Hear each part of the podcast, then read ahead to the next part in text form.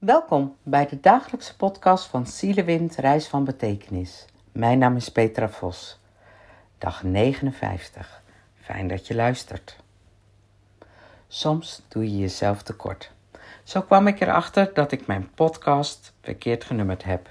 365 dagen challenge zou dan 367 dagen zijn. Voor mij zit een jonge man, schouders recht en hij kijkt met een open blik aan. De pc heeft hij mee en hier heeft hij zijn opdracht op uitgewerkt. Ik heb goed en slecht nieuws, zegt hij. Waar wil je mee beginnen, vraag ik. Het goede nieuws.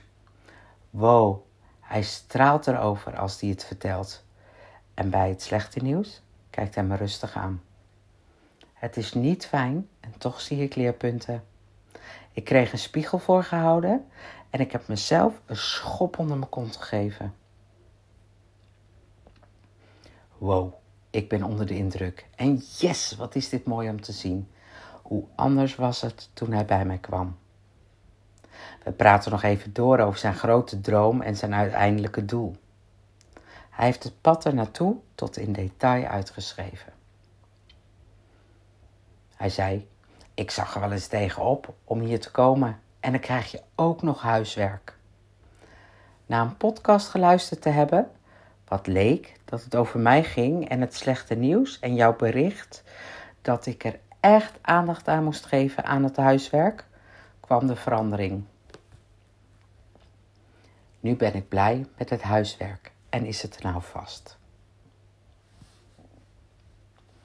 Ik schrijf altijd van tevoren dingen op waarvan ik denk dat ze aan de orde komen in de sessie. Ik wijs op het papier. Dan heb je dit nu niet meer nodig, zeg ik. Ik ben toch wel nieuwsgierig wat je hebt opgeschreven. Mag ik het lezen? Tuurlijk mag dat. Wees gewaarschuwd, het is een echte schop onder je kont. Hij leest en zegt: Dat is confronterend en echt waar. Zo is het precies. Mag ik het meenemen? Ja hoor. Deze jongeman is wakker geworden, is zich bewust geworden van zijn diepere verlangens, zijn valkuilen en heeft zijn diepere ik leren kennen en heeft leren plannen om zijn doel te gaan bereiken. Hij is niet meer verdeeld. Want als je je verdeeld voelt, kom je in conflict met jezelf en ga je of rennen, vechten of bevriezen. En heb je een oordeel over jezelf als de buitenwereld dat al niet heeft geuit. Als je van binnen geen vrede hebt over wie je bent en mag zijn, dan veroordeel jij jezelf en ben je als het ware aan het strukkelen. Je verwijt anderen voor je ongelukkig voelen en de pijn die, eigenlijk, die je eigenlijk diep van binnen voelt. Je ontkent je ongelukkig zijn.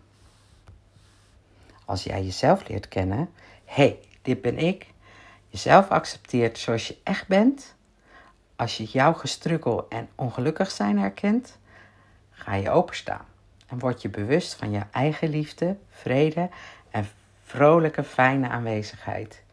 Jouw kern en wat je te geven hebt.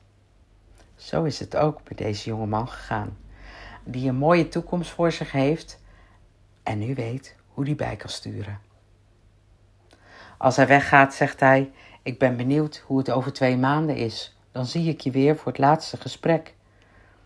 Ik heb er alle vertrouwen in. Sla je vleugels uit en ga. Ik ga het doen, zegt hij.